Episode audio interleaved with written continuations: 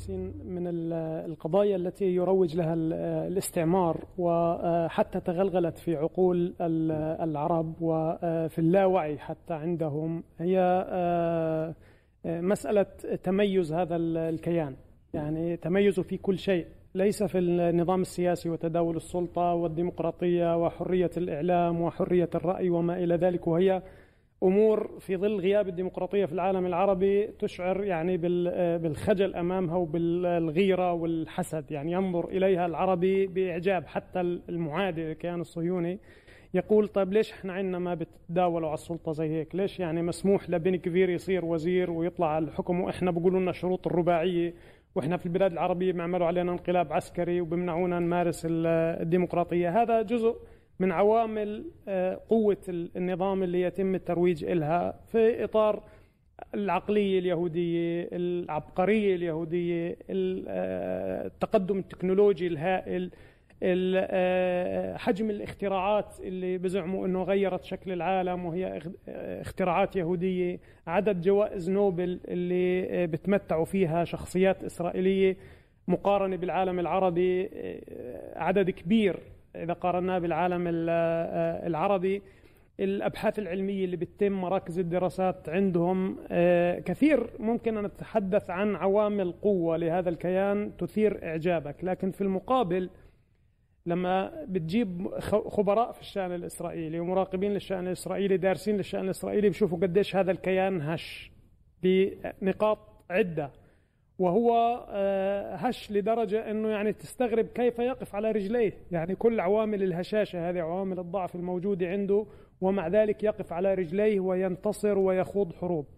هذا بحد ذاته هو أمر يحتاج إلى كثير من آه، من النقاش. لكن أنا أجيبك بإجابة بسيطة جدا وهي أن هذا الكيان لا يعتمد على نفسه في أي شيء. كل هذا المظهر كل هذا المظهر للتقدم والتطور والاختراعات هو صناعة صنعها الاستعمار. كما قال لنا أن مشكلتكم أنتم كمسلمين مع مجموعة يهودية ويجب أن تحلوها.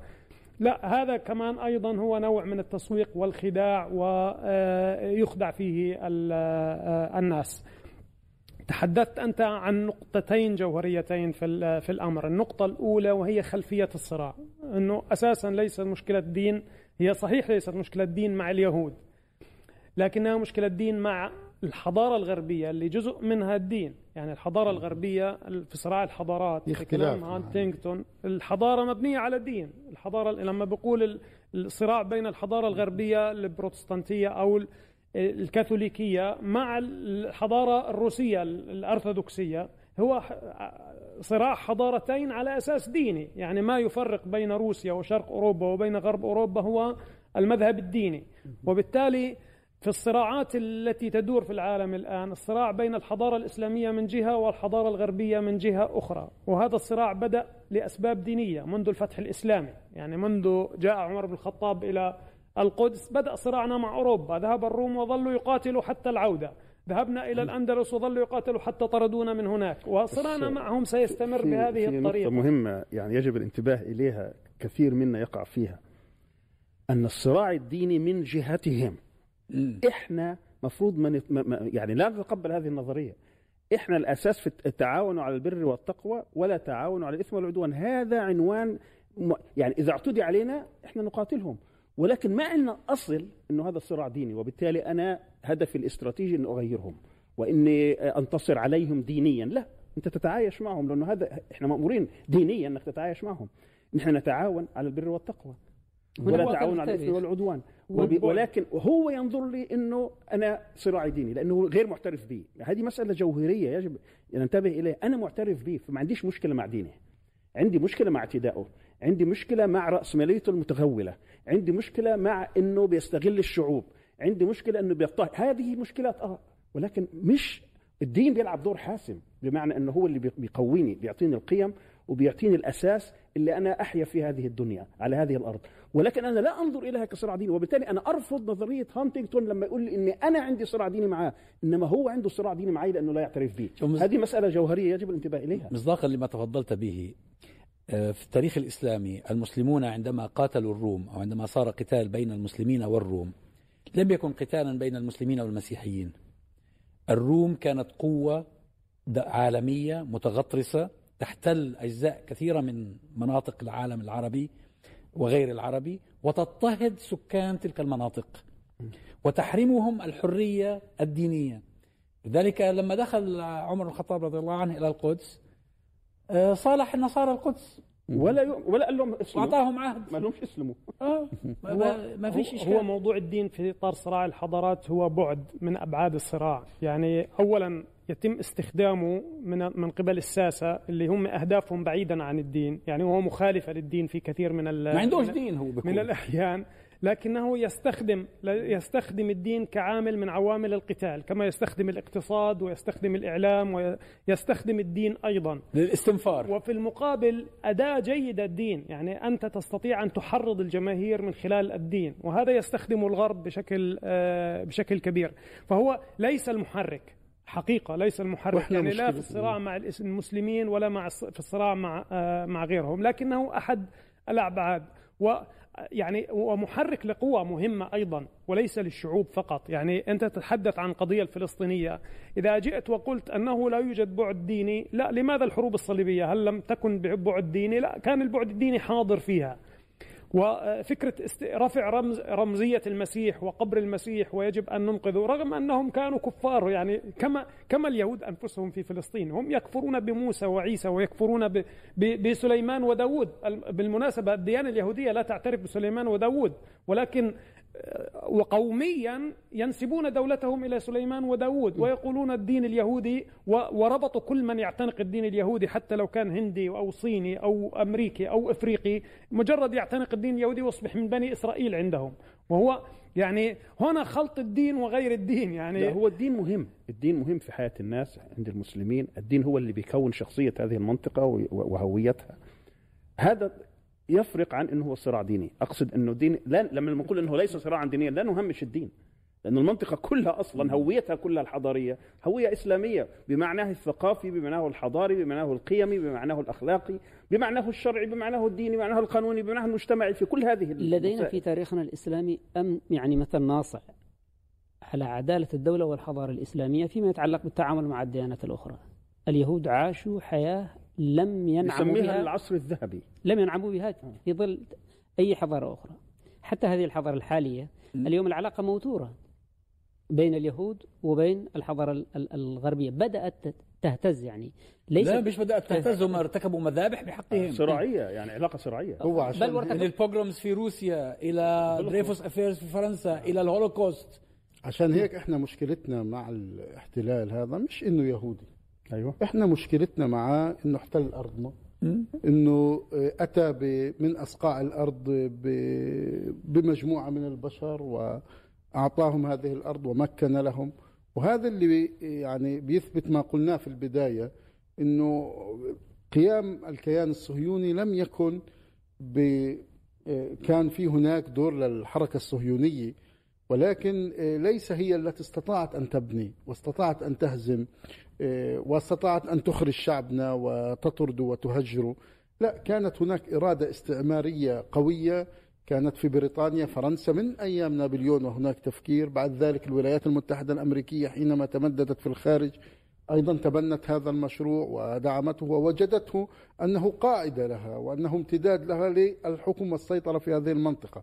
هذا إذا كمان نظرنا إلى تاريخيا أن آه، أن المسلمين على مدار كما قلنا جميعا آه، على مدار عهدهم لم يحتقروا اليهود ولم آه، يقوموا بأي يعني عمليات عنصرية ضد بل بالعكس كان اليهود يتمتعون حتى في الأندلس. لما كان- خرجوا وين؟ كانوا كان اليهود يعني دائما يعني في في النسيج العربي وال- والإسلامي. لكن وين المشكلة؟ كانت دائما دائما في في أوروبا وفي الغرب.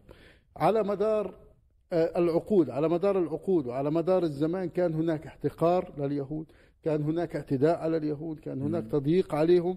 ولهذا أنا بعتقد وهذه بدنا نخت يعني بدي خلينا نحكي فيها موضوع معاداة السامية أنا أعتقد أنه ليس انتصارا لليهود بل لاستغلاله في في هذه في هذا المشروع الاستيطاني آه، آه، هذا الإحلالي في مصطلح فلسطين. غربي معاداة السامية أيوه معاداة لا السامية لا علاقة لنا به. مصطلح هي ظاهرة غربي. غربية. لا، أيوه مصطلح غربي لاستغلاله في إيه؟ شرقيا في هذه المنطقة. هو بالأساس آه، يعني مولد هذا المصطلح. سببه أن اليهود كانوا يتعرضون للاضطهاد. أين كانوا يتعرضون؟ في أوروبا. في أوروبا أيوة. فهو هذه ظاهرة أوروبية خالصة لأنه إحنا في ديننا لا يجوز أن تضطهد لا اليهودي ولا المسيحي ولا أحد من كلنا. ساميون أصلا كلنا ساميون الآن ليس هناك بيننا من يتبنى فكرة عداء دين بعينه سواء اليهودية أو المسيحية. ولكن لكي نكون موضوعيين هناك أساس ديني للمشكلة في فلسطين. يعني الذين يقتحمون باحة الأقصى دافعهم ديني. والذين يستميتون في الدفاع عن الأقصى دافعهم ديني أيضا. وأنت إذا أردت أن تقنع أولئك الذين يرابطون اليوم في القدس وفي أكناف بيت المقدس وتقول الصراع ليس دينيا ليس من الحكمة. أيوة بس هذه الظاهرة يا سيدي ليس من لأن هناك سبب موضوعي سبب موضوعي لأن هناك مسلمون مهددون وجوديا. بس مهم دوافع دينية تستهدفهم. ياسين مهم نعرف لكن محرك الذي يستخدم الدين قوى استعمارية لا شك. لا بس مهم مهم نعرف الظاهرة هاي كيف صارت. ليش؟ لأن المشروع الصهيوني في أساسه كان مشروعا لا دينيا. يعني الذي الآباء المؤسسون للمشروع الصهيوني للكيان الصهيوني. للكيان الصهيوني كانوا ملاحدة. بن- تصوري الرجل واحد زي تيودور هيرزل يتباهى بأنه يأكل سندويشة خن- لحم الخنزير حتى يثبت أنه غير متدين. كان ملحد. ولما راح وقابل ملك إيطاليا وطلب منه ليبيا ملك إيطاليا بيقول له يا سماحة الحاخام اشمأز قال له أنا لا حاخام ولا مؤمن بالله بربنا ولا بغيره. آه ولكن إيش اللي حصل؟ لأنهم لما اجتمعوا في بازل قبل أن يجتمعوا في بازل كان تيودور هيرزل بيقترح عليهم أنهم يروحوا على الأرجنتين أحسن لهم. بلا وجع راس في وسط المسلمين. قالوا له المندوبين الروس اليهود اللي أجوا من روسيا قالوا له أنت مجنون؟ اليهود لن يتبعونا. لابد أن يكون في شيء له علاقة دينية في الموضوع. من هنا جاءت فكرة استخدام الدين لإقناع عامة اليهود الذين كانوا في ذلك الوقت معادين للمشروع الصهيوني. يعني كان معظم اليهود ضد الصهيونية. فكيف بدهم يدغدغوا عواطفهم؟ أدخلوا إليهم هذه العبارات الدينية. هذا جون روز له كتاب رائع في الموضوع اسمه The Myths of Zionism أساطير آه، الصهيونية. يتحدث فيها كيف أن الآباء المؤسسين للمشروع الصهيوني كانوا ملاحدة ولكن كانوا يست... يست... يستغلون. يستشهدون بنصوص من التوراة والتلمود لت... ل... لتأييد آه، مشروعهم. هنا في نقطة مهمة يجب ننتبه إليها لأنه عندها خلط عند كثير من المسلمين. الذين يظنون أن نحن نقول أنه ليس صراعا دينيا كأنه هذا استثناء للدين لا. الدين هو عامل محفز نعم. ومهم جدا لأهل هذه المنطقة. في هذا فرق بين أن نقول أن الدين عامل مهم جدا لحياة الشعوب في هذه المنطقة وبين أن نقول أنه صراع ديني. إيش يعني صراع ديني؟ صراع ديني أن أنا عايز أنفيه. هو عنده صراع ديني أنه عايز ينفيني. نعم. أنا ما عنديش صراع ديني لأني مش عايز أنفيه. أنا بس- برد الاعتداء بصد الاعتداء. وعايز أك... يعني أكمل فكرة الدكتور صلاح في موضوع المنظومة الصهيونية إنها منظومة غربية. وهنا أيضا تأتي قضية مركزية فلسطين. إنه. قلت لطبيعة هذا العدو هذا العدو هذا المحتل هذا الجسد الغريب وضع في قلب هذه المنطقة حتى لا تتقدم ولا يكون عندها تكنولوجيا ولا قوة ولا وحدة إنما يكون عندها تجزئة ويكون عندها ضعف ويكون عندها تغريب. هذا هذا القصد. ال- ال- القضايا الأخرى كلها هامشية. يعني إحنا وجودنا في في الأندلس كان محونة انتهت. انتهت ال- إجا الغرب أخذها وطردنا وانتهينا. لو بقى طوائف متناحرة كان ممكن مثلا تتغير تتبدل يجي يجي وتتداول. هذا الفكر هنا تأتي قضية فلسطين وأهميتها بالنسبة للقضايا الأخرى. هذه المنظومة وجدت حتى تبقي على هذه التجزئة وتبقي على هذا الضعف ولا تسمح بالتقدم. ولذلك هم يقتلون العلماء. حتى لو كانوا في الغرب حتى لو كانوا في العراق كانوا في إيران كانوا في في سوريا و- و- ولا تسمح بالتقدم العلمي. و- ولو نظرت حقيقة يعني ب- ب- بعين ثاقبة هي وراء كل ال- ال- الارتداد اللي حصل في الثورات العربية.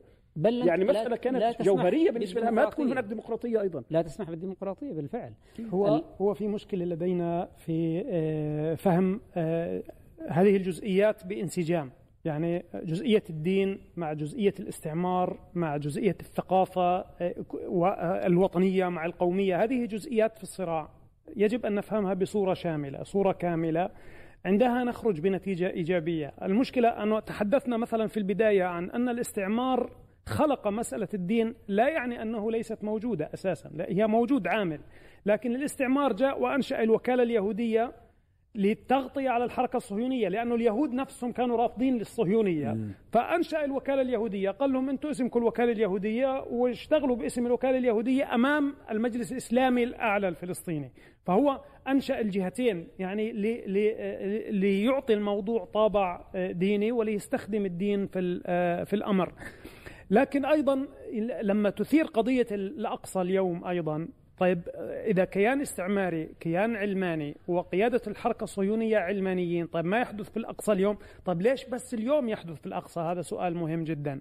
ليش اقتحامات الأقصى اليوم فقط تجري؟ ليش استنى الصهاينة محتلين فلسطين من الثمانية وأربعين؟ ومن قبلهم كانت بريطانيا محتليته وبتعمل إيش ما بدها ومعطي اليهود إيش بدهم. ليش الأقصى كان بعيد عن هذا الخطر؟ بما إنه الصراع ديني. هون هذه الم...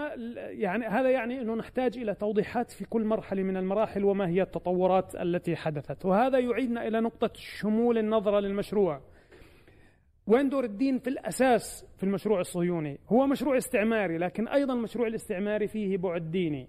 المشروع الاستعماري لما فكروا في يعني هناك ناس متدينون فعلا بغض النظر دينهم منحرف هل هم يؤمنون بالله أم كل واحد منهم يصنع الله إلهه الخاص به كما يريد يعبده في النهار ويأكله في الليل. لكن هذا واقع أنه في بعد ديني في الموضوع. الصهيونية المسيحية قبل الصهيونية اليهودية بألف سنة موجودة في بريطانيا وموجودة في الغرب منذ أن ظهر المذهب البروتستانتي وجذور الصهيونية المسيحية موجودة هناك. ويريدون العودة إلى المهد وإلى القيامة ليأتوا بالمسيح وليعيشوا الألفية الوردية أو المستنيرة التي ينتظروها بعد عودة المسيح. سيكون حكم عادل بقيادة المسيح. ولكن جربوا ذلك في الحروب الصليبية أن يأتوا ويعيدوا المسيح. لكن البروتستانتية رأت أنه في حلقة مفقودة في الموضوع وهي عودة بني إسرائيل إلى فلسطين وهون بعد ديني لكن هو في نفس الوقت إطار استعماري ومتوحد توظيف العلماني مع الديني. فأتوا بالصهيونية الدينية الآن بالصهيونية لتقوم بالدور الديني الذي أرادته الصهيونية المسيحية. الصهيونية المسيحية لأنها ارتبطت بالقدس وبالتالي هي صهيونية لأنه يجب أن يأتي المسيح إلى القدس وتبدأ هذه الألفية وبالتالي متى متى بدأ هذا الدور في الأقصى تحديدا؟ الآن حتى نجمع بين الشكل العلماني الإلحادي الذي بدأه هرتزل وبين ما يجري في الأقصى الآن وماذا تحدث؟ وهذا ما يحتاج إلى حديث وهو التغيرات التي حصلت في المجتمع الصهيوني في العقود الأخيرة. وأنا أيضا هنا أبدأها ليس من فلسطين بدأت وإنما من الولايات المتحدة. نعرف وهذه حقيقة تاريخية الولايات المتحدة لم تتبنى الكيان الصهيوني إلا بعد 67 بعد حرب 67 يعني الحرب التي سحقت العرب ودمرتهم لم يكن عملي. لم يكن سلاح أمريكي. كانت طائرات الميراج الفرنسية. فكان الدعم الأمريكي محدود جدا مقارنة لما جاء للكيان الصهيوني بعد 67 الصهيونية المسيحية في الولايات المتحدة الممثلة بالإنجيليين كان حجمها صغير لكنه بدأ يكبر مع السنوات ويزداد وهو المحافظون الجدد الذي رأيناه ثمرة لهذه الثمرات في الولايات المتحدة. جورج بوش الأب والابن. ورامسفيلد وكل هذه وترامب مؤخرا كلهم الصهيونية المسيحية في الولايات وقبلهم ريغن. المتحد في الولايات المتحدة. هؤلاء هم من أنشأوا الصهيونية الدينية في إسرائيل. يعني الصهيونية كانت ثيودور هيرتسل وعلمانيون وأقاموا دولة علمانية وبدستور علماني أو وثيقة استقلال علمانية تحدثت عن دولة يهودية ديمقراطية. مع العلم أنه هو مصطلح الصهيونية الدينية هو في تناقض لأنه بالأصل كانت كان المتدينون اليهود ضد الصهيونية. نعم وما زال ما زال مجموعة ما زال. لكن هاي الظاهرة اللي اللي أشار لها ياسين الذين يريدون أن يقتحموا المسجد الأقصى هي ظاهرة جديدة. أنا أقول لك كيف بدأت. أوه. في في الكيان الصهيوني كان حخام واحد هو الذي تحالف مع الحركة الصهيونية ودخل كجزء من الحركة الصهيونية. ويسمى مزراحي الحخام مزراحي. وكان عدد قليل جدا. وكان كان ممثل في الكنيست من خلال حزب مفدال الحزب الديني القومي. وكان منذ الخمسينات حتى نهاية السبعينات وهو الحزب الديني الوحيد. وهو ممثل بمن يضعين الكباء الطاقية الملونة على رؤوسهم وحتى يحلقون لحاهم. وهذا يعني أنه يؤمن بالقومية اليهودية ولكنه متدين في ذاته. وهؤلاء امتداد للصهيونية الدينية في الولايات المتحدة. الحدث التاريخي حرب السبعة وستين الذي جاء بالأقصى لأيديهم يعني الحركة الصهيونية عندما أخذت الكيان وأنشأته عام 48 أنشأته بعيدا عن القدس بعيدا عن الخليل بعيدا عن رام الله وبيت إيل وبعيدا عن شخيم نابلس اللي هي ذات البعد التاريخي الديني لدى اليهود. أخذوا 80% من فلسطين وكانت مطلب لهم كل فلسطين لكن ما قاتلوا من أجلها. يعني بن غوريون ما كان بالنسبة له مهم جدا يقاتل من أجل الخليل أو من أجل رام الله. كان يريد أن يقيم دولة لليهود وهو ما أراده هيرتسل. دولة لليهود يعيش فيها مواطن درجة أولى. بعد السبعة وستين ما حصل. يعني في السبعة وستين تحديدا لما احتلوا المسجد الأقصى كيف كان القرار؟ مشي ديان كان وزيرا للدفاع جاء إلى القدس القديمة ونظر وملحد مشي ديان نظر قال ما هذا الفاتيكان؟ فاتيكان. ما لا تمثل له شيء. ماذا سنفعل في هذا الفاتيكان؟ استشار أستاذ في الجامعة العبرية مؤرخ في الجامعة العبرية واستشار الحخام الأكبر لديهم اللي هو مثابة المفتي. شو بدنا نعمل في هاي الأشياء اللي صارت بين إيدينا؟ ف آه، وكانوا القوات المظليين مرابطين في داخل الأقصى لأنه احتلوا ودخلوا بدهم مكان يرابطوا فيه فناموا سكنوا المظليين في المسجد الأقصى نفسه في داخل الحرم ورفعوا العلم على قبة الصخرة. فموشي ديان بده بده يحل الموضوع. أول شيء المؤرخ قال له أنت الآن إذا بتظلك في المسجد الأقصى كمؤرخ تحدث معه ستفتح حرب مع كل العالم الإسلامي على المدى البعيد. ونحن لسنا معنيين بحرب من هذا من حرب دينية. ومع المسيحيين أيضا. فبالتالي اطلب آه، من الأردنيين أن يديروا شؤون آه، المسجد الأقصى والأماكن المقدسة، الأوقاف الأردنية كما كانت. تستمر في الإدارة. واسحب القوات. أيضا تشاور مع الحاخام العسكري. قال له طيب هذا مؤرخ. اسمعنا رأيه. بدنا نسمع المفتي شو بيحكي. قال له المفتي شو بالنسبة لك؟ هارهبيت بيدينه. هذا أول خبر على المخشير على الجهاز اللاسلكي كان واللي اليهود صاروا يغنوا فيه إنه هارهبيت بيدينه جبل الهيكل بأيدينا. فشو بدنا نعمل في جبل الهيكل؟ قال له وفق الشريعة اليهودية لا يجوز لنا دخوله حتى يأتي المسيح ويذبح البقرة الصفراء ويحرقها ويخلط آه، رمادها مع الماء ويطهرنا. قبل ذلك لا يجوز لنا أن ندخل هذا المكان. قال له إذا خيار الأوقاف الأردنية وأمر قوات المظليين بالخروج من الأقصى وإنزال العلم الإسرائيلي عن قبة الصخرة. هذا كان الموقف الدولة حتى هذه اللحظة دينيا وسياسيا. لكن ماذا حصل بعد؟ وجعل هؤلاء بدأ الاستيطان. الاستيطان بدأ ليس من الحكومة الإسرائيلية بقيادة ديان وبن غوريون وموشي شاريت وليفي أشكول وإنما من الولايات المتحدة. الإنجيليين الولايات المتحدة الذين يربون مزارع البقر هناك ويستخدمون الهندسة الوراثية لإنتاج البقرة الصفراء. في الولايات المتحدة هذا يتم لدى الإنجيليين وليس لدى اليهود. وهم من بعثوا ميئر كهانة وهم من بعثوا موشي ليفنجر وهم من بعثوا كل المستوطنين الذين يستوطنون في القدس ويمولونهم لشراء الأراضي ولبناء المستوطنات.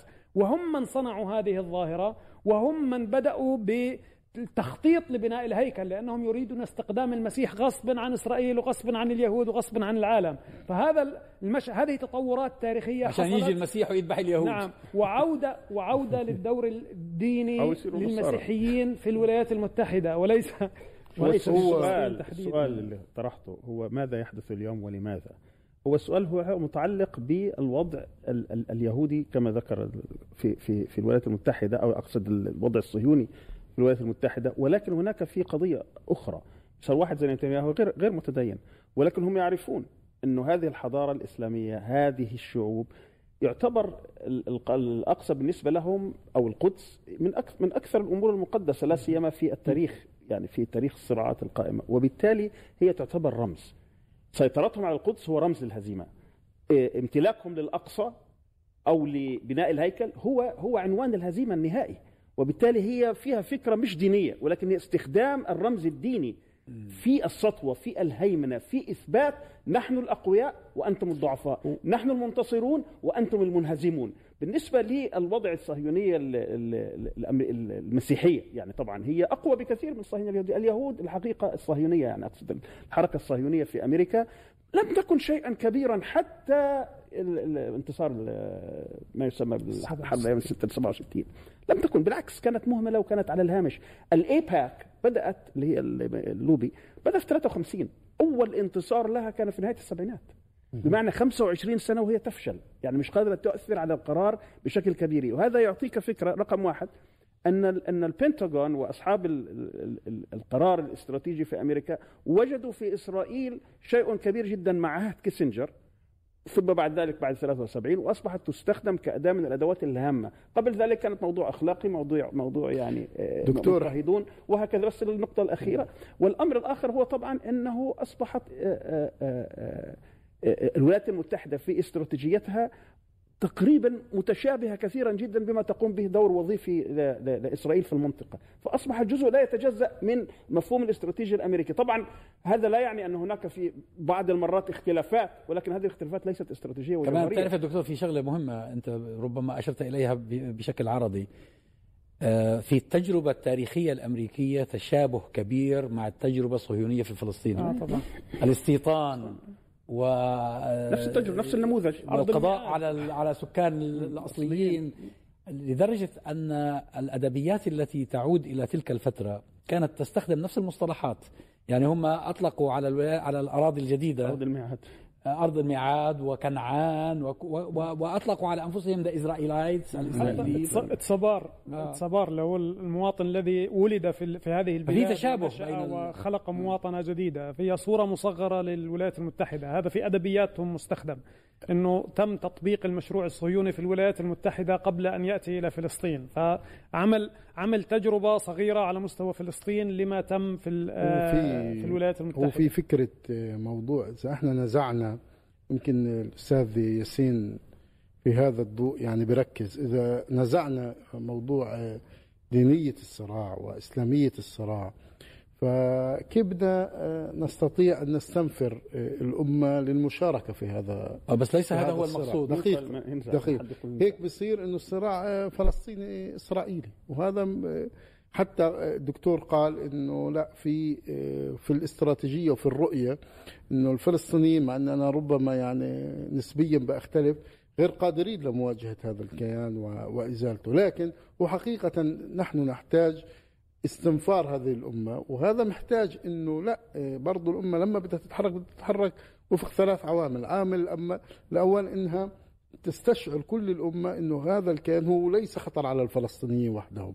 يعني ما يحدث في سوريا ما يحدث في العراق الآن ما يحدث من استنزاف ما يحدث من تهديدات حقيقية حتى لتركيا وإيران هو أيضا بفعل هذا الكيان وزراعة هذا الكيان. الأمر الآخر أنه هذا الصراع هو أيضا بمسهم وليس أكثر من مساس عقيدتهم ودينهم. ولهذا التحرك اللي صار في سيف القدس من آه، المسلمين إن كان عربا أو عجما آه، نصرة للفلسطينيين. ليس نصرة للفلسطينيين بشيء ولكن دفاعا عن آه، دينهم دفاعا عن عن قدسهم. الأمر الآخر أنه يجب إدراك أنه هذا الاحتلال هو ليس احتلال بذاته ولكن هو احتلال مدعوم من قوى استعمارية كبرى تحتاج إلى إيه؟ تحتاج إلى السيطرة والهيمنة واستنزاف المنطقة. هو شو السؤال هو ماذا تعني إسلامية القضية لي؟ نعم. ماذا يعني؟ طبعا هي بالنسبة لي هي قضية الإسلام والمسلمين، لأن المستهدف هو الإسلام والمسلمين. لكن ماذا تعني؟ لا تعني أنني أستحضر الدين الإسلامي لكي أظلم الآخرين، وإنما لكي أدفع الظلم عن المظلومين. يعني نحن أحق من غيرنا في العالم بأن نقف مع المظلوم ضد الظالم. نحن نتكلم هنا عن مشروع اعتداء واغتصاب واستعمار واستيطان وترحيل لأهل المنطقة. حتى لو لم أكن متضررا تضررا مباشرا. إذا كنت مسلما فعلي واجب النصرة للمظلومين.